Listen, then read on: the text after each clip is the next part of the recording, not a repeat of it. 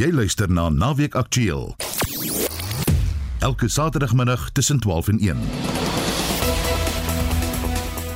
In vandag se program wetenskaplikes bevestig dat El Niño begin vorm aanneem in die Stille Oseaan. Die impakte van El Niño op Suider-Afrika is meestal negatief want dit gaan oor droogte en dit gaan oor hitte. Dieetkundiges fokus toenemend op die impak van supergeprosesseerde kos op die liggaam. Daar's definitief 'n korrelasie met obesiteit, kardiovaskulêre siektes, diabetes, kanker en daar's nuwe navorsing wat nou self verbind met depressie, prikkelbare darmsindroom en selfs asma. En Dr Anne Marie Jansen van Vuren praat oor die grootste dokumentêre fees van sy aard in Afrika. Vandag se span is ons uitvoerende regisseur Nicoline de Wee, die redakteur Veronique van Heiningen, ons produksieregisseur Daitron Godfrey en my naam is Anita Visser. Griekeland is heel positief oor samewerking met Turkye se president Tayyip Erdogan wat pas weer herkies is tot sy amp. Dit ten spyte van die feit dat Erdogan in 2018 die eksplorasie van hidrokoolstof in Griekse waters goedgekeur het, 'n stap wat byna 'n militêre konfrontasie tussen Ankara en Athene tot gevolg gehad het. Boonop het Erdogan in 2019 ook Griekeland se soewereiniteit soewereiniteit oor sekere Oos-Egeiese eilande bevraagteken. Die vraag is, hoekom die Grieke meer genee is tot Erdogan se administrasie as sy voorgangers? Ons het die vraag aan professor Dirk Kotse van Unisa, 'n spesialis op die gebied van Turkse politiek gestel. Ek dink wat hulle sien van hom is dat hulle weet nou wat hy die afgelope 20 jaar gedoen het, dat sy benadering tot die Grieke is minder antagonisties as sommige van sy voorgangers dat die kwessie rondom die territoriale dispute wat bestaan vir alles wat kom by eilande word minder deur Erdogan op die voorgrond geplaas daar's minder insidente tussen die twee lugmagte die Griekse en die Turkse lugmag wat dikwels 'n konflik met nie direkte konflik nie maar oor gebiede wat hulle gevlieg het wat die een lugruim versus die ander een se lugruim. Baie keer het sulke insidente plaasgevind en dis lanklaas dat so iets plaasgevind het. Die enigste werklike groot probleem is rondom die gebruik van die see noord van Siprus waarop die Turke aanspraak maak. Ek wil teruggaan na 2017 toe, toe het Erdogan aangekondig dat hy die sogenaamde Lausanne ooreenkoms wat met grense te doen het, wil hersien. Wat sou dit behels? Ja, die Lausanne ooreenkoms is in 1923 oorlog aangegaan tussen wat vandag Turkye is en Brittanje, Frankryk, Italië. Dit was na die Eerste Wêreldoorlog en dit was omdat die vrede van Sèvres wat eintlik Turkye sou opgedeel het tussen hierdie verskillende lande en Griekeland dat die Turke dit nie goedgekeur het nie en dit gelei tot die Vryheidsoorlog van die Turke wat deur Kemal Atatürk gelei is tot met die onafhanklikwording en die republiekwording in 1923 toe die Grieke finaal in Izmir in die weste van Turkye verslaan is. En En Lausanne gaan spesifiek oor die toekenning van veral die eilande in die Mediterrane en Egeïese See aan die twee lande, aan Turkye en aan Griekeland. En baie van daardie toekennings word nog steeds vandag betwis en dit is die rede hoekom dit eintlik deur geen een van die twee lande aanvaar word as 'n finale reëling nie. Nou 1974 het Turkye Siprus binnegeval. Dit bly 'n hakplek. Enige kans dat Ankara en Athene tot 'n vergelyk daaroor kan kom? Niks is onmoontlik nie. Dit is 'n situasie wat oor lank 'n groot skeiding tussen die twee groepe in Siprus tot gevolg gehad het tot bevolkingsverskywings tot uh, volksmoorde wat daar plaasgevind het. As mense so intoe gaan, dan sien jy die gebiede die punte waar die grafte lê en waar dit plaasgevind het. En dan 'n plek soos Nikosee wat letterlik in die middel verdeel is en nog steeds vandag so is. En om dit te verander sal baie vra. Dis eintlik waar Griekeland en Turkye die naaste aan mekaar kom, waar hulle letterlik soms die een straat die verskil tussen die twee gebiede maak. En ek dink dit is waar die ontmoeting moet plaasvind omdat dit ook groter implikasies het. Siprus is deel van die Europese Unie, maar die noordelike gedeelte van wat die Turkse Republiek van Siprus is sedert 1982 word nie internasionaal erken nie. Dis amper soos ons ou tuislande in Suid-Afrika.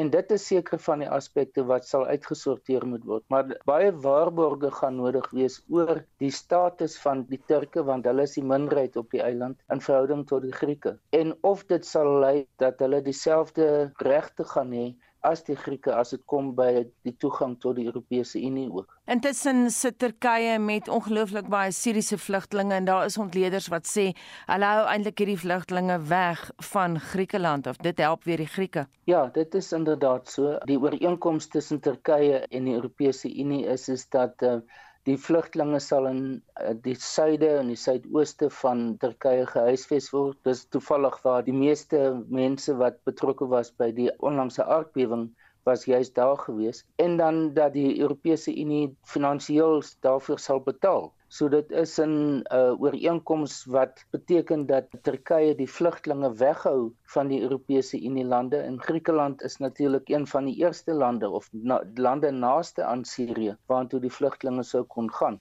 So Turkye is in 'n groot mate die waghond wat verhoed dat Siriëse vlugtlinge oorbeweeg in die Europese Unie in die algemeen, maar baie spesifiek na Griekeland toe. Wat sou jy beskou as 'n prioriteit om nou uit te sorteer? Dis 'n baie groot vraag. Die hoofprobleem, die hoofdispuut tussen Turkye en Griekeland is die territoriale sake. Dit gaan oor die eilande, dit gaan oor die gebruik van die see, dit gaan oor spesifiek nou die Turkse reg waarop hulle aanspraak maak om veral die noordelike kus van Siprus tussen Siprus en Turkye en die oostelike gedeelte nader na Libanon en Sirië om dit te mag gebruik vir die ongemoontlike ontganging van gas. So dit is aspekte wat gelei het dat die twee vlote, die Turkse vloot en die Griekse vloot letterlik teenoor mekaar te staan gekom het. So dit sal waarskynlik van die eerste punte wees wat maar die moeilikste punte waaroor hulle 'n verstandhouding sal hê. Maar in 'n proses soos hierdie praat ons altyd van dat daar vertroue gebou moet word en dat ander tipe van minder kardinale aspekte eers aangespreek moet word sodat dit kan lei tot groter vertroue om in hierdie die groot probleme te kan aanspreek. En dis iets wat ehm um, soos byvoorbeeld dat uh, Griekeland moet baie meer van 'n tussenganger word tussen die Europese Unie en Turkye of vir Turkye om die onderhandelinge wat nou al meer as 10 jaar aan die gang is tussen die Europese Unie en Turkye om dit weer aan die gang te kry want dit het eintlik tot 'n stilstand gekom en dit is veral vir die mense wat nou vir die oppositie gestem het in die verkiesing in die Turkse verkiesing. Hulle is baie ten gunste daarvan dat daar 'n terugkeer moet wees dat Turkye nader weer moet beweeg aan die Europese Unie as wat dit op die oomblik die geval is. Dit dan professor Dirk Kotse van Unisa wat van tyd tot tyd klas gee by Ankara se Middle Eastern Technical University. 'n Gefrustreerde luisteraar vanuit Swane het naweek aktueel die week gekontak met 'n klag oor geld wat se muur van haar kragrekening afgetrek word om soos wat sy dit stel die metroraad se diensfooie aan te vul. Die middeljarige vrou wou nie haar naam genoem hê nie, maar het haar storie breedvoerig met ons gedeel. Weet jy ek wil nie geviktimiseer word nie want ek okay. het reeds met die DA gepraat en hulle praat om die probleem en hulle is die probleem op die oomblik en hulle probeer dit wegpraat.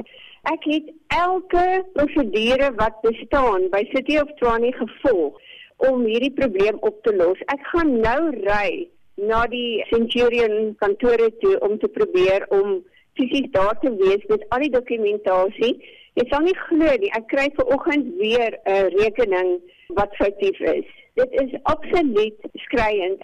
Selfs telefonies is die verbruiker se frustrasie byna tasbaar. Boonop strek die probleem terug na Desember verlede jaar toe.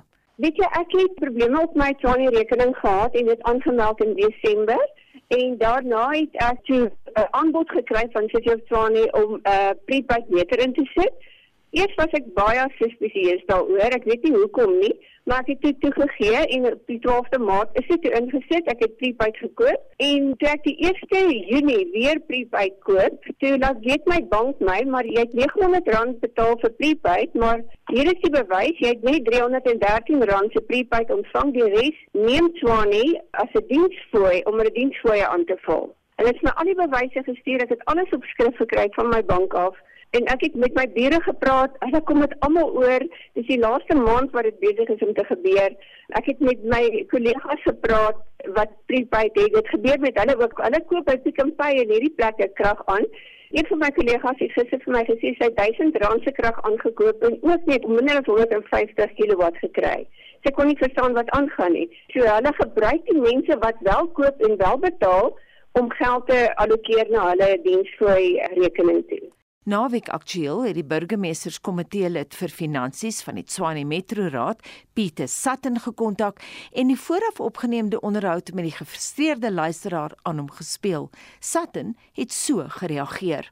Hierdie is 'n baie unieke geval waar die luisteraar wel 'n punt weet het. Ek het aandagtig geluister na wat die luisteraar oor kla. Jy weet haar frustrasie en ek dink haar frustrasie is wel gefonde in terme van wat die situasie is. Nou ek wil dit graag verduidelik in twee aspekte: hoe die stelsel moet werk en dan wat die spesifieke situasie is met hierdie kliënt. As ons na hierdie spesifieke rekening kyk, Op die 19de Mei was die 'n nuwe rekening uitgestuur en hy was betaalbaar. Daar was 'n bedrag uitstaande van die vorige maand af, 'n redelike groot bedrag en dan natuurlik die nuwe maand se bedrag wat beteken in terme van dit voldoen hulle al klaar vir die vereistes van kredietbeheer. So daai bedrag wat uitstaande is, die een bedrag was onmiddellik betaalbaar, die huidige maand se bedrag was betaalbaar teen die 9de Junie. Hoe die kredietbeheerwet werk, is wanneer jy agterstallig is op 'n rekening en jy koop voorafbetaalde krag op 'n meter, dan word daar 60% van die aankoop afgetrek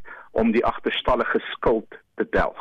Nou dis wat in hierdie geval gebeur het en dis waar die luisteraar kla dat sy op die 1 Junie krag gekoop het en toe word daar van haar krag wat sy koop, ek dink van die R900 word dit die 60% afgetrek om die agterstallige skuld te delg. Dis in terme van die kredietbeheerwet en dit word in plek gesit om die likwiditeit van die stad te verbeter en natuurlik seker te maak dat ons vir al die skuld want rekeninge is onmiddellik betaalbaar. Daar's geen 30 dae krediet of enige suits nie. Dis onmiddellik betaalbaar. Ons gee 21 dae, maar dis slegs vir administratiewe doeleindes Ek wil dit duidelik maak, daar's geen krediettyd. Dis nie 'n 30 dag rekening nie, dis onmiddellik betaalbare rekening. Maar wat in hierdie geval gebeur het met hierdie kliënt en ek dink daarom haar frustrasie is geldig. Daar is 'n regstelling gemaak op haar rekening wat beteken sy het 'n klagte ingesit oor 'n probleem wat op haar rekening was en daai rekening probleem was nie in tyd uitgesorteer nie en daarom was haar geld afgetrek voordat die rekening probleem uitgesorteer is. Nou wat daar moes gebeur het is die stelsel moes 'n uh, nota op gesit gewees het tickbox soos wat ons dit sal noem om seker te maak dat geen kredietbeheer op daai rekening geplaas word voordat die probleem uitgesorteer is. En so ek verstaan hoekom hierdie kliënt so kwaad en gefrustreerd is want sy het 'n daadwerklike klagte gehad wat nie opgelos was in tyd nie en toe word sy gepenaliseer met die aftrekking daarvan. Nou die aftrekking, die geld is nie gesteel nie. Haar rekening het nou in 'n krediet ingegaan, maar ek verstaan heeltemal waar haar frustrasie vandaan kom. So wat ek gaan doen, hierdie was nou baie vinnig geweest na die oproep wat ek van u ontvang het. Ek sal dit verder ondersoek en ek het vanmiddag 2:30 'n vergadering met die spanne oor natuurlik ander punte, maar ek gaan hierdie punt ook daar opbring. Intussen sê Pieter van Heerden, DA raadslid vir Tswane se wijk 46, wat onder meer Linwood insluit, verbruikers verstaan nie altyd hoe die stelsel werk nie en dink dat hulle wijkraadslede operasionele probleme moet oplos. Wel ek dink die grootste frustrasie is dat mense nie altyd begrip het dat die politici nie die operasionele werk van die stadsraad doen nie en raadslede het nie toegang tot die sisteme en stelsels van die stadsraad nie. Daai werk word alles deur die amptenary gedoen en die lyn vir bestuur en vir oorsig lê by die aan die einde van die dag by die stadsbestuur. So die politieke hoofde se funksie is om oorsig te doen en dit doen ons deur ons portefeulje komitees ensovoorts. So as raadslede probeer ons mense help deur goed te eskaleer na die amptenary toe, maar ons het nie die vermoë of die mag om opdragte aan die amptenary te gee om te sê doen jou werk. 'n Ander frustrasie is dat die stadsraad se sisteme is nog baie opgestel dat mense moet ingaan na die kliëntekontaksentrums meeste van die tyd om nog dienste te kry. Hulle kan dit nie eintlik altyd suksesvol doen deur e-posse of telefoonoproepe nie. En baie mense wil nie daai deel doen om by 'n kontaksentrum uit te kom nie. Dan probeer hulle dit deur die wijkraadslid doen. En soos ek sê, ons is net beperk met wat ons ook kan doen. En so sê Pieter van Heerden, hy's DA raadslid vir Tswane se wijk 46 wat gister met my gepraat het. Meeste verbruikers ken die term geprosesseerde kos, maar dis al ou nuus. Dietkundiges fokus toenemend op super geprosesseerde kos, oftewel ultra processed foods. Naweek aktueel het gaan uitvind waaroor die nuwe baai gaan. Die soort kos maak groot geld vir hulle vervaardigers, het 'n voedingskundige aan die York Universiteit die week aan die BBC gesê. Trouwens, professor Marion Nestle se presiese woorde was ultra processed foods are amongst the most profitable foods companies can make. Maar wat beteken daardie ekstra byvoeglike naamwoord? Wat is dan die verskil tussen ultra en gewone geprosesseerde kos? Dr Marian Wicks van Noordwes Universiteit se vakgroep voeding verduidelik dit so. Dit is gewoonlik die goed wat hierdie verskriklike lang lys van bestanddele in het en hy het geformuleer om 'n lang rakleeftyd te hê, om baie smaaklik te wees, om gerieflik en maklik te wees. Vinnige snackkossies wat jy net 'n pakkie kan oopbreek en jy eet dit. En hierdie baie hoog versoete ontbytpappe. So dis daai ding wat 'n lang lys van bestanddele bevat. En gewoonlik is dit die goeders wat al hierdie geurmiddels en kleurmiddels, hierdie kunsmatige versoeters bevat. Die voedselindustrie wil die maksimale volume hê, maar met die minimale insette.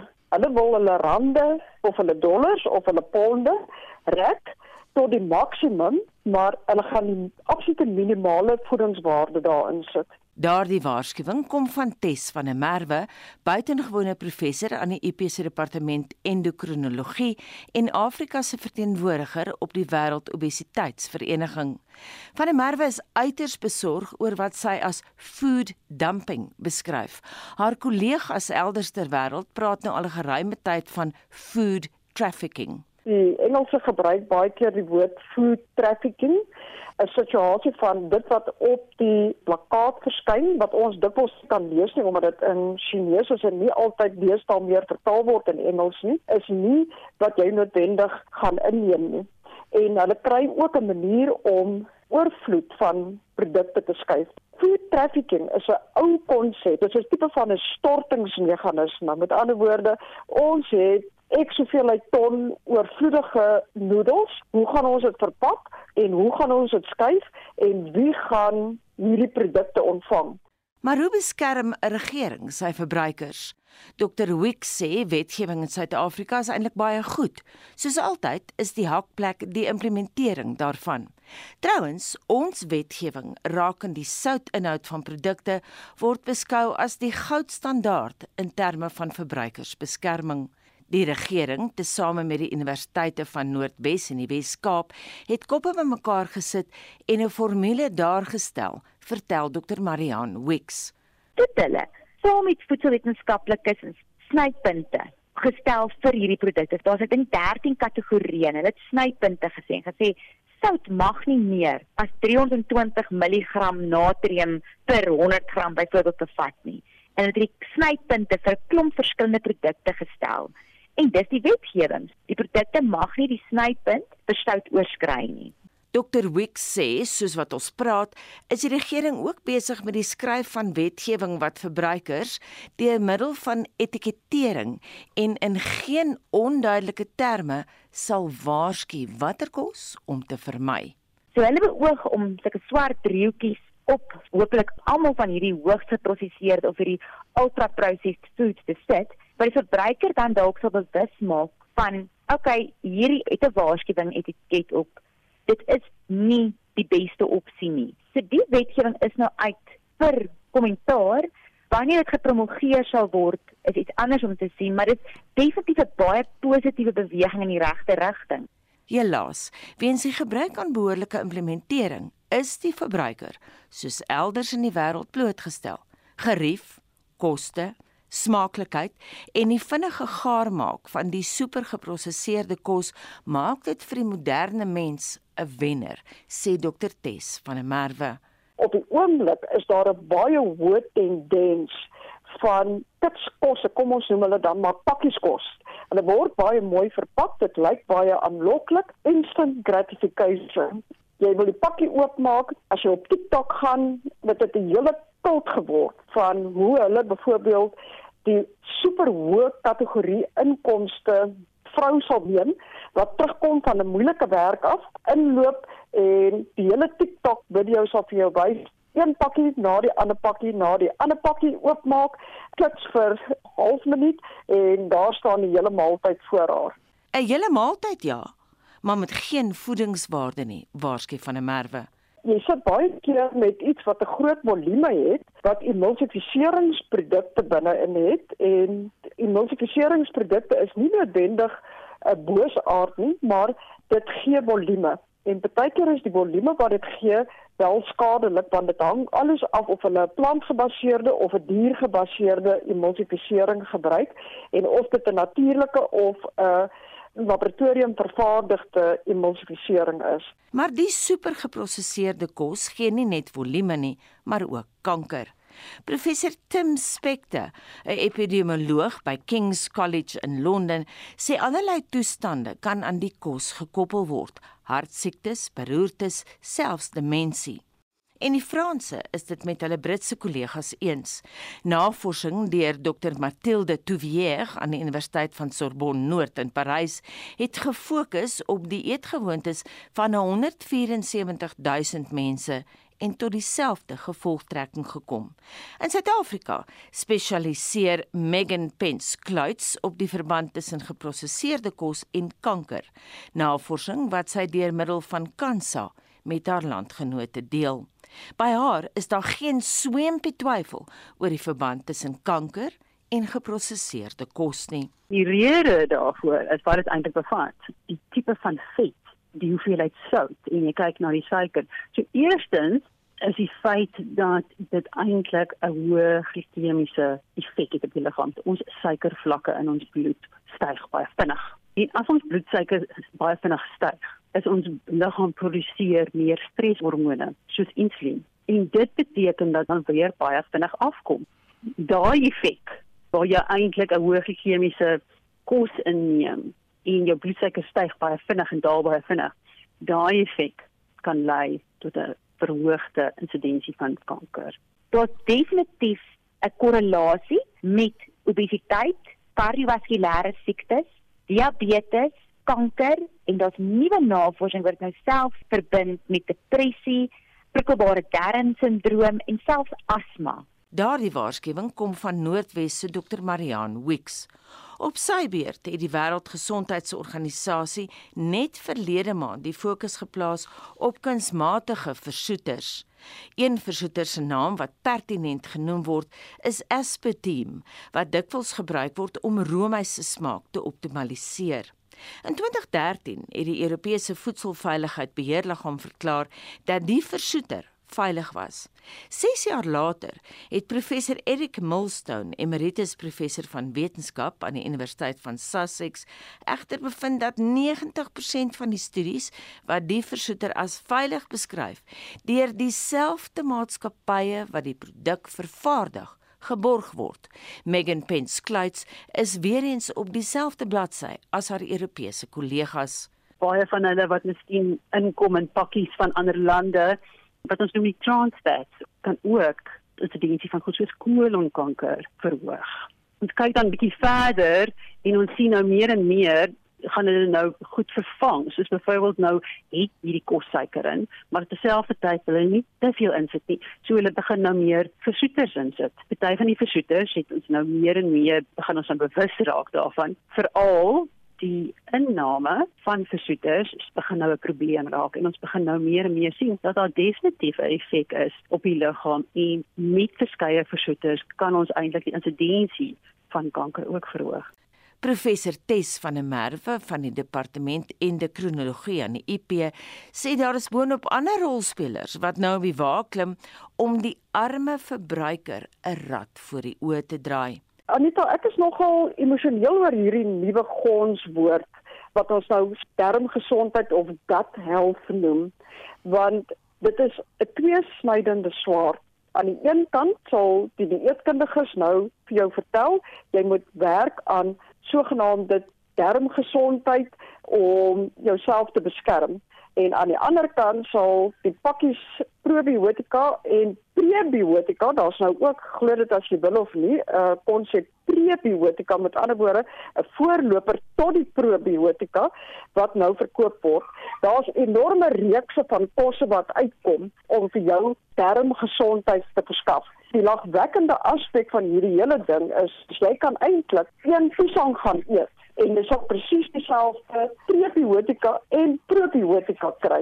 Ek het in beginsel 'n geweldige probleem daarmee dat pasiënte vertel word dat hulle het swak darmgesondheid, die leaky gut sindroom en dan hulle aanmoedig om hierdie hele reekse kosse te koop waarop hulle duidelik 'n persentasie van die wins te vat. Nog 'n klip in die alreeds brandende bos is die feit dat navorsing deur die universiteite van Noordwes, die Wes-Kaap en die departement van gesondheid toon dat tot 70% van die kos op Suid-Afrikaanse winkelrakke as super geprosesseerd of ultra processed beskryf kan word. Wat nou gemaak? Die kundiges het wel raad.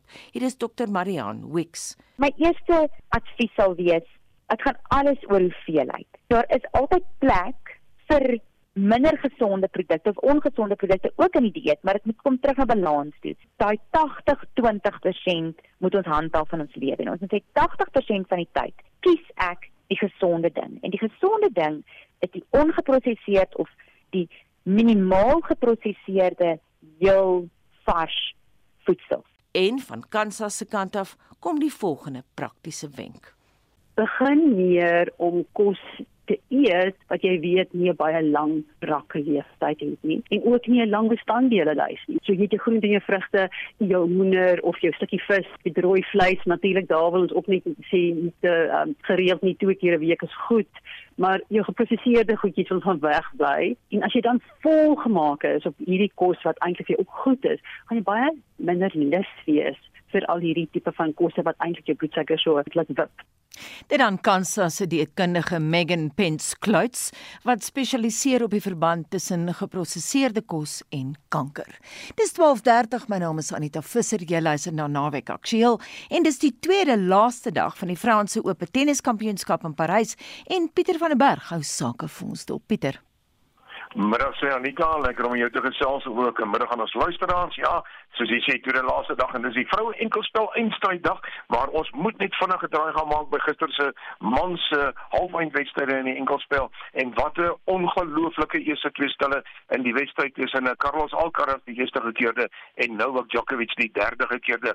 Nou Alcaraz verloor daardie eerste ene 3-6, hy wen die tweede stel 7-5 en voor ons oor stel 3 en 4 gesels, moet ons daarom net sê dit was van die beste tennis wat ek in jare gesien het en so stem baie van die media mense oor die wêreld saam die uh, presisheid waarmee die twee spelers hulle afslaan, hulle grond hou, hulle lug hou, hulle vlug hou, was net ongelooflik. Briljante tennis. Dit waarna almal uitgesien het, het waar geword, maar ongelukkig daar na uh, twee potte en uh, die derde stel is dit Alcaraz wat begin krampe kry het. En uh, ja, hy moes uh, nog 'n pot ehm um, laat gaan om dit uh, 2-1 te maak vir Djokovic voordat hy mediese aandag kon kry. En later het hy nog aandag gekry en is Djoko wat die derde stel 6-1 wen en die vierde 6-1 ongelukkig ernstige mediese redes of dan die uh, uh, probleme wat Alcaraz opgedoen het met daardie krampe. Hy kon nie daardie wedstryd behoorlik voltooi nie en dit is Djokovic wat deur is in 3 uur 23 minute na die eindstryd môre. Casper Ruud later in daardie uh, tweede halfwyn het vir Alexander Zverev geklop met 6-3, 6-4 en 6-stroop. So dis Ruud teen Djokovic en dit is môre in die eindstryd. Van die wedstryde wat vanoggend uh, reeds voltooi is, ons sien daar dat die legende wedstryd tussen Davenport en Verdanskwa, hulle het vir Dulkan en Gabriela Sabatini met 7-6 en 6-4 geklop en dan die eindstryd van die vroue enkelspel in die rolstoelafdeling is dit 'n groot wat vir Kamiji klop van Japan met 6-2 en 6 stroop. Op die oomblik 'n baie baie interessante wedstryd is 'n Amerikaner op baan 13 in aksie. Dit is Donald Ramfadi. Hy speel in die rolstoel mans dubbelspel saam met Latfon van Brittanje, Groot-Brittanje. Hulle verloor die eerste stel 1-16 Davidson en Shaw van Nieu-Seeland en uh, Kanada, maar die tweede stel briljant is dit die Amerikaner en sy spanmaat wat met 6-2 seëvier en en sopas die wedstryd valbuil wat daar begin het, dis 0-11 in 'n daardie sogenaamde valbuil of derde stel dan.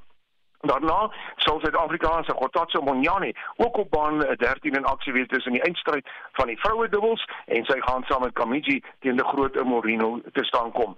Kom ons loer na natuurlik die groot uh, nuus vir vandag en dis Iga Swiatek en uh, Mugova, Karolina Mugova van die Tsjechiese Republiek, 26 jaar oud en 22 jaar oud Iga Swiatek. Daardie wedstryd begin om 3 uur, dis die eindstryd van die vroue enkelspel van jaar en uh, wat 'n wedstryd om na uit te sien. Ook in die mans mans dubbelspel eindstryd gaan uh, later plaasvind. Dodig en Krajicek teen Gil en Vliegen en uh, daardie wedstryd uh, sal dan ook op die hoofbaan wees na afloop van die vroue wedstryd.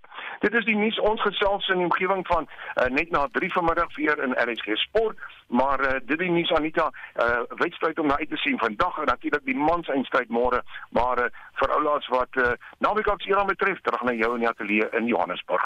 Baie dankie Pieter, ons bly by sportsake. Die nasionale netbalkampioenskap is gister in Pretoria voortgesit en Lali Stander het vir ons die inligting. Die vierde been van die nasionale netballiga het Vrydag voortgegaan in die Hartveld Arena in Pretoria. Die Fireballs se vuur is nog onblusbaar, maar die Gautengse netbalspan het so byna byna sy onoorwonde status verloor. Die verdedigende kampioene was aan die ontvangkant van 'n besielende vertoning van die Southern Stings wat teruggeslaan het na verlede naweek se twee nederlae. Die Kaapenaars het puik netbal gespeel, maar dit was die Gauteng Fireballs wat sy statuur gewys het om 'n agterstand uit te wis en dit naalskraap 43-41 deur te trek. Elsie Jordan die Fireballs se afrigter het nie geskroom om veranderinge te maak of hard te praat nie en dit het vrugte afgewerp. Nadat die Kaapenaars met rustyd 21-16 voorgeloop het, het sy haar stem dik gemaak en die span het dit omgedraai en met selfbeheersing binne 2 minute die saak gelyk opgemaak 40-40. Hier is Dr. Elsie Jordan na afloop van die wedstryd. Oh, well, we had a bad, bad start. Uh, we'll have to go and see why that is happening. That's the second week in a row that we're having a bad start. Maybe look at our warm up. Um, but I must say the, the, the, fight back and the you know it's, it's it's it's been one of the best fight backs I've seen from a team. And strategically we build it and um, we said listen to close that margin we need to do it three turnovers per quarter and it actually worked for us so um, we are very relieved. Die Crinums wat tweede was op die punteleer in die A afdeling het ook hulle wedstryd teen die Allows deurgetrek om 48-31 te wen. Dit beteken dat die Allows verlede jaar se B afdeling wenners steeds die agterhoede dek in die A afdeling en die Crinums hulle tweede plek op die punteleer beskerm het. In die B afdeling in 'n puikwedstryd het die Oos-Kaapse Comets en die Kingdom Queens gelykop gespeel 37 elk. Die Limpopo Boababs het die Mpumalanga Sunbirds 61-33 uitgestof en daarmee 2 punte behaal wat hulle na die bokant van die punteleer in die afdeling B geskuif het. Vandag speel die Tornadoes wat die gesamentlike eerste plek gedeel het teen die KwaZulu-Natal se Kingdom Queens en hulle sal hoop om daardie eerste plek weer terug te neem. In die ander wedstryde vandag kom die Oos-Kaapse Comets teen die Lilies te staan, die Sunbirds teen Sonneblommo, die Flames speel die Allows en die Boababs van Limpopo speel teen die Diamonds. Die Jaguars wat hierdie reeks reeds 5 keer gewen het, speel in die A-afdeling teen die Kingdom Stars van KwaZulu-Natal. Lali Stander vir RSG Sport. Amerikaanse en Britse wetenskaplikes het bevind dat Groenland walvisse in 'n groot mate kankerweerstandig is weens hulle vermoë om gebrekkige DNS vinnig te herstel. Professor Henk Bouman van die Departement Dierkunde aan Noordwes Universiteit het die nuutste navorsing van onder meer die Universiteit van Rochester in New York bestudeer en sy insette daaroor met Naweek Aktueel gedeel. Hierdie navorsing is gedoen deur Dennis Firnasov van die Universiteit van Rochester en die artikel is tans in review, maar die werk is ook gebaseer op vorige werk van Mark Tolles in 2019 gepubliseer van die Arizona State University. Dis die twee vir mekaar nogal goed aan. En dit het baie ander werk onderliggende aan in terme van langlewendheid van ander diere, klein en groot soogdiere. Ek dink dit is nogal redelik sterk begrond. En hoekom leef hulle langer? Hoekom kry hulle minder kanker? Die Groenland walvis uh, Balaena mysticetus kan dalk tot 268 jaar oud word. Dis die langslewende soogdier waarvan ons weet. Hulle weeg tot 80000 kg. Hierdie walvis het 1000 keer meer selle as die mens byvoorbeeld, maar kry baie minder kanker as die mens. En dit word die Petos paradoks genoem. Die vorige navorsing het gekyk na weet hoe lank lewe sekere diere. Honde, katte, luiperds, rotte, muise, mense kry baie meer kanker. En kanker is dan die mutasies van DNA in die sel hoofsaaklik. Ek praat meer in die algemeen as in detail. Maar walvisse, snaaks nog vleermuise, skape, antilope, olifante kry minder het 'n laer koers van hierdie mutasies wat kanker veroorsaak. En ons is nog nie heeltemal seker van hoekom en hoekom nie. Dus daar is paradokse hier in teenwoordig. Dit weet ons nog nie heeltemal hoe dit werk nie. Kanker is mutasies van die DNA in die sel wat dan begin verdeel en die liggaam sukkel om dit te stop. Maar hoe meer selle, hoe meer kans is daar vir kanker natuurlik. Die mutasies in die mens byvoorbeeld is 47 per jaar in die mens en dit akkumuleer en van hierdie mutasies kan dan kanker veroorsaak. In die muis is dit 800 per jaar. Akkumulering van mutasies. Wat is die teorie oor hoekom groter diere nie maklik kanker kry nie? Jy sê daar's nog nie 'n finale antwoord nie, maar daar's sekerlik spekulasie daaroor. Ja, daar's spekulasie daaroor. As jy klein is en jy lewe vinnig, dan het jy nie regtig um, meganismes nodig om te weer teen kanker nie, want uh, jy lewe in elk geval kort. Jy weet sommige van die diere soos vleermuise lewe juis kort en is klein en kry baie minder kanker. Dis nie 'n uh, reglynige verband tussen ouderdom, kanker, getalselle en so aan nie. Daar's verskillende maniere van kanker onderdruk. Die een is apoptose, met ander woorde dit maak die selle dood. Die ander een is senescence, wat beteken die sel word heeltemal vertraag of gestop. Dis die twee wat ons relatief goed van weet. Maar nou lyk dit asof die uh, walvis, hierdie Groenland walvis het 'n ander metode ontwikkel, geneties deur twee verskillende proteïene te ontwikkel of te bepaal, die RPA2 en die CIRBP wat dan die kanker wat of ten minste die DNA wat dan die mutasie ondergaan het in die sel volledig en akkuraat herstel. Sê maar soos nuwe parte insit en dan kry jy weer die oorspronklike DNA. En dit beteken dan dat die kanker of 'n sel wat sou kanker gekry het word dan gestop. Dit is nie meer 'n mutasie nie. Henk, hoe kan ons hierdie inligting aanpas en gebruik tot ons voordeel om te kyk of ons kanker kan verminder in die mens? Tans het ons geen metodes om DNA herstel in die mens te doen nie. Daar gaan mutasies gebeur en dit gaan bly gebeur. Hierdie metode mag dalk 'n manier gee vir ons om verder ondersoek in te stel na kan hierdie tipe van uh, proteïene gebruik word om die kanker te herstel of ten minste die mutasie te herstel voordat nog gekanker word. Nou dis nogal moeilik want dit word vind in die sel plaas net nadat die mutasie plaasgevind het. Nou, hierdie inligting is baie interessant en baie goed en hooplik kan dit vir ons help, maar dit gaan nog 'n hele rukkie duur voordat ons hierdie inligting kan gebruik wat ons van die walvis gekry het. En so sê professor Henk Bouman van die departement dierkunde aan Noordwes Universiteit.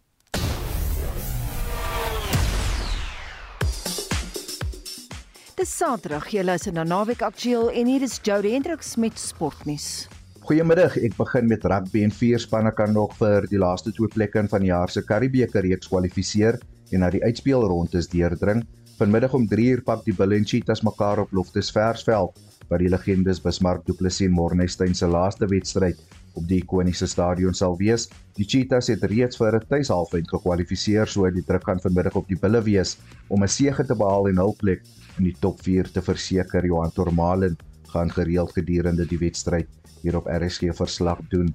Dan net na 5:00 speel die Haie 'n wegwedstryd in die Kaap teen die Weselike provinsie. Nou soos die Cheetahs is die Haie ook verseker van 'n tuissemiefinaal, maar die WP het nog 'n buitekans indien die Bulle verloor en geen bonuspunte kry nie om vir die laaste 4 te kwalifiseer. Vir die Haie begin Cowan Bosch op loskakel terwyl Netling Forsie die WP op stit gaan aanvoer en Johan Rademan gaan in die wedstryd agter die mikrofoon vir RSG wees. Atletieknuus en die 96ste Comrades Marathon vind môre plaas. Dit word van Pietermaritzburg na Durban gehardloop en gaan by die Kingsmead Stadion klaarmaak. So wat 25000 atlete gaan aan die wedloop deelneem met Gerda Steyn wat as een van die gunstelinge in die vrouafdeling beskou word met beide die mans en vroue wenner wat vanjaar 500000 rand in die sak sal steek. Nou cricketnuus en dit is dag 4 van die internasionale cricketraad se toetskampioenskap eindstryd tussen Australië en Indië wat op die Oval in Engeland gespeel word. Nou kom ons doen 'n opsomming van dag 3 en uh, dit was Australië wat op 123 vir 4 in hul tweede beurt geëindig het met Marnus Labuschagne op 41 nie uit nie en hulle het 'n voorsprong van 296 lopies. In sokker kom die Europese sokkerseisoen vanaand tot 'n einde met die UEFA Kampioenligga beker eindstryd wat in Istanbul, Turkye gespeel word en dit is Manchester City van Engeland en Inter Milan van Italië wat van sake uitspook vir die titel. City is egter die gunsteling en op soek na hul derde beker van jaar nadat hulle reeds die Engelse Premierliga en die FA beker verower het. Inter Milan het al egter 3 keer die Kampioenligga beker gewen, die laaste keer was in 2010, iets wat City nog nooit kon doen nie. Jody Hendricks vir RSG Sport. As jy pas by ons aangesluit het, baie welkom by Naweek Aktueel. In sy weeklikse motorrubriek toets Wessel Pretoria die nuwe weergawe van 'n ou bekende.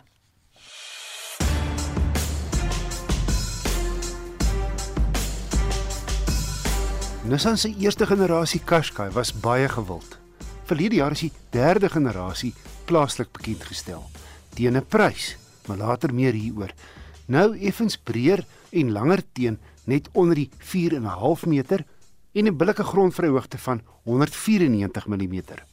Die nuwe Qashqai se aantreklike voorkoms staan uit met boomerangagtige LED voorligte, 'n V-vormige sierrooster en netjiese 19 duim alloy wiele op die Accenta Plus topmodel wat ek gery het.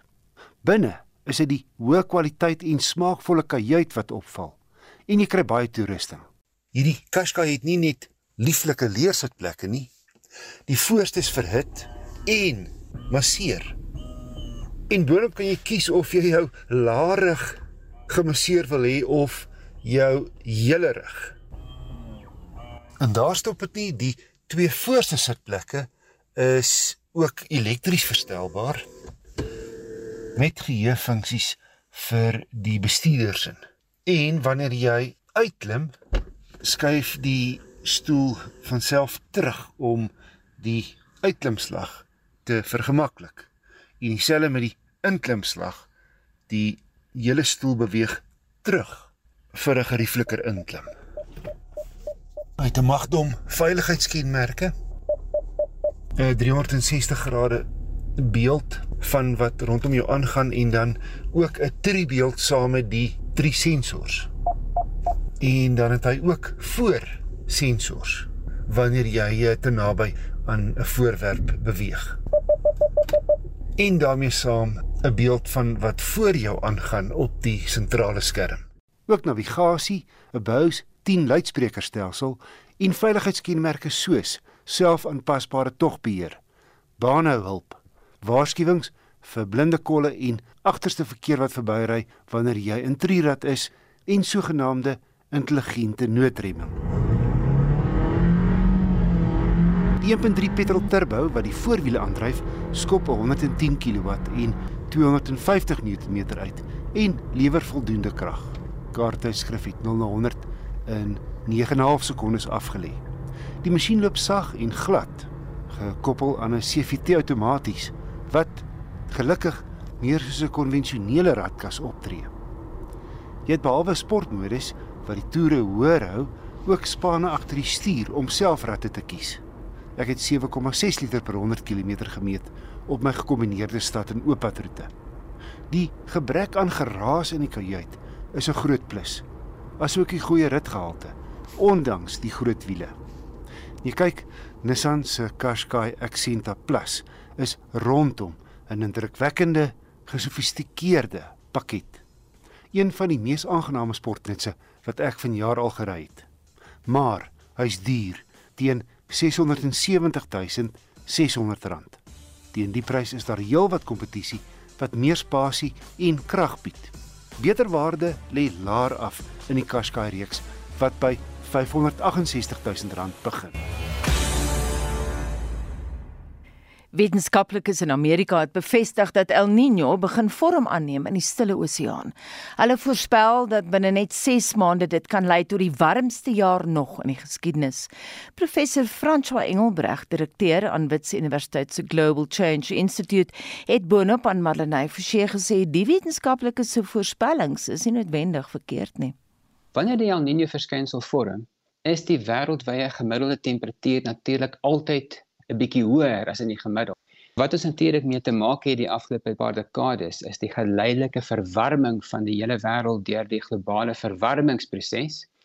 So die sistematiese verwarming van die aarde het nou daartoe gelei dat die gemiddelde temperatuur van die wêreld in 2022 omtrent 1.2 grade Celsius hoër was. En 'n sterk El Niño kan ons tesame met hierdie proses van sistematiese globale verwarming vir die eerste keer oor daardie gevaarlike drempelwaarde stuur wat die aarde se gemiddelde temperatuur 1.5 grade Celsius warmer kan wees. Hy waarsku dat so 'n verhoging kan lei tot buitengewone weerverskynsels.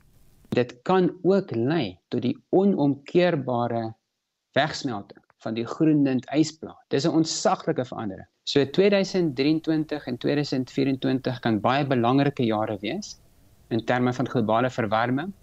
Gewoonlik is die jaar nadat die El Niño gevorm het, so in hierdie geval 2024, warmer as die jaar waarin die El Niño vorm. 'n Sterk El Niño kan dus 'n 1,5 grade verhoging in 2024 tot gevolg hê, waar 'n matige El Niño nie so 'n groot impak sal hê nie. Maar wat is die implikasie vir Suid-Afrika? Volgens Engelbregt beteken El Niño hier droë seisoene. Die reënval is byna altyd onder normaal in die somerreënvalgebied. Daar was al 'n paar uitsonderings, soos tydens die groot El Niño van 1997-98, toe die reënval naby aan normaal was in die oostelike gedeeltes van Suid-Afrika. Maar luisteraars sal nog onthou hoe erg dit gegaan het hier in Suid-Afrika in die somer van 2015-16. Dink jy terug aan daardie onsaglike droogte wat ons gehad het in die Noordwes provinsie en in Botswana en Limpopo, noordelike KwaZulu-Natal. Ons het 10000de beestevrektes gehad in hierdie gedeeltes van Suid-Afrika. In Botswana het hulle uiteindelik 40% van die beeste verloor in 2015 en 16. So dit is die twee groot gevare waarna ons moet kyk hierdie komende somer. 'n Sterk El Niño kan dus langdurige hittegolwe tot gevolg hê. Want die hittegolwe het natuurlik ook wyd verspreide impakte op ons eie gesondheid as mense, impakte op ons oeste, die mielieoes in die besonder as dit gelyktydig ook droog is en ook impakte op ons beesindustrie reg oor Suider-Afrika. Maar daar is 'n silwer randjie vir Oos-Afrika. Wanneer die El Niño droogte bring na Suider-Afrika, bring dit terselfdertyd gewoonlik goeie reëns na Oos-Afrika. Net soos wat ons dalk altyd opsien teen die vorming van 'n El Niño verskynsel, dink ek in Oos-Afrika is daar die hoop dat die El Niño gaan help om weer goeie reënval te bring na daardie gedeelte van Afrika en hopelik kan daai langdurige droogte ten minste tot 'n maat gebreek word as gevolg van hierdie vormende El Niño verskynsel. Dit was professor François Engelbreg, direkteur van die Global Change Institute en 'n dosent in klimatologie aan die Universiteit van die Witwatersrand. Marlene Forsie, SAK nuus. Naweek Aktueel het onlangs berig oor die Franse Cannes rolprentfees en nou is dit ons plaaslike rolprentfeeste se beurt. Die Silverskermfees, die Durban Internasionale Rolprentfees en Encounters is om die draai. Nou ons medewerker kollega navorsingshoof by Tshwane Universiteit van Tegnologie se filmprogram, Dr Anne Marie Jansen van Vuren, jy het reg gehoor, dokter, is by my in die ateljee met meer besonderhede. Dit is aan belangrik om 'n kollega te hê. Dink jy is die enigste dokter in die kantoor. Anne Marie, watter feeste kom aan die beurt en hoe kom hulle aan die beurt? So Anita, eerste is dit die Encounters dokumentêre rolprentfees, die grootste fees van sy aard op die Afrika vasteland wat op 22 Junie begin. Hierdie fees se vertonings vind gelyktydig vir 10 dae by teaters in Kaapstad en Johannesburg plaas. Jy praat nou van die grootste fees, maar wat maak dit nog besonder? Wel, dis omdat Encounters die enigste rolprentfees is wat slegs op dokumentêre rolprentfeeste fokus en dis hierdie jaar sy 25ste bestaanjaar, so dis 'n kwart eeu hoogtepunt. En wat vir my uitstaan is die twee Afrikaanse dokumentêre wat op die platteland afspeel. Die fliek Dorpie fokus op 'n gemeenskaplike werker in Predasdorp en haar werk by 'n veilige hawe vir vroue wat onder geweld deurgeloop het. Die fliek Calvinie is weer rolprentmaker Rudy van der Merwe se so ode aan die dorpie en 'n moeilike verlede. En dan Anne Marie gaan ons na die Durban Internasionale Rolprentfees en dit begin op 20 Julie. Ja, sowel as die Durban Filmmark wat ook daardie week begin. Die Durban Filmmark se tema is hierdie jaar Afrika Konstellasie. En Anita Zenobia Kloppers wat die hoofrol in die onlangse Vila se kind rolprent vertolk het, maak haar buiging as regisseur by die Durban Internasionale Rolprentfees met haar kortfliek Reel wat daar bekend gestel word. Reel is 'n fliek oor drie generasies vroue wat hul namma en koi erfenis met die ikoniese reeldans vier. En dan as ek my nou nie misgis nie, Anne Marie Toppers ook 'n rolprent by die Silverskermfees. Dis nou soos altyd in Kampsbaai. Ja, en dis absoluut die grootste rolprentfees op die Afrikaanse rolprentkalender. Um Kloppers was die regisseur van die gotiese romansie Romanse Helmhart wat deel vorm van die Silverskerm kortfilmprojekte. Nou Anita buiten vir die interessante speelfilms is dokumentêre rolprente ook hierdie jaar 'n groot trekpleister van die Silverskermfees. Ek het vir ons 'n klankgreep saamgebring uit een van hierdie dokumentêre. Nou ons gaan nou daarna luister en dit kom uit Theater na die Mense en akademikus professor Charlene Dyers is aan die woord. Adam was die baanbreker van Afrikaans as protestaal. Kon hy selfde taal taal van wit baaskap gebruik word om vir mense te vertel. Kyk hoe verkeerd is hierdie stelsel. Kyk hoe siek is hierdie stelsel. Mense, selfs ons ouers was bekommerd daaroor waar wat vang die kinders tog nou weer aan ons gedink is net 'n drama, maar julle is mos nou met politiek besig. Natuurlik was ons met politiek besig. Dit was professor Charlene Dyers van die Universiteit van die Wes-Kaap. Sy het die rol van Makiet in Adam Small se toneelstuk Kan hy kom huis toe gespeel en laastens Anita wil ek net sê dat al hierdie drie feeste in persoon aangebied word hierdie jaar ja, iets om na uit te sien veral vir jou ons hooffliekvloei. Dis dan ook ons medewerker eh, dokter Anne Marie Jansen van Vuren wat spesiaal ingekom het ateljee. Toe baie dankie daarvoor Anne Marie. Dit nogal op 'n Saterdag. Dis aan 12:55 jy luister na Naweek Aktueel. My naam is Anita Visser en ons eindig met 'n lekker stukkie nuus uit Latyns-Amerika, uit Latyns-Amerika. Die Brasiliaanse samba en bossa nova sangeres Astro Gilberto is maandag op 83 dood. Nou sy het in die middel 60er jare bekendheid verwerf vir haar van haar vir haar opname van die komponis Carlos Jobim se lied The Girl van from Ipanema. Nou dit sluit ons program vandag af met haar en haar gewese man João Gilberto se weergawe van die bossa nova gunsteling. Dum, dum,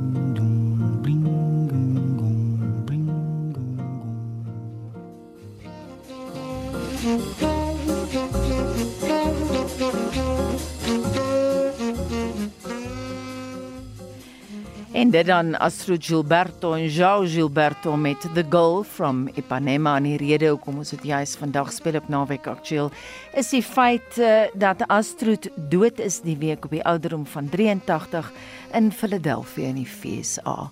En daarmee eindig ons ons program. Ons groet geniet jou naweek.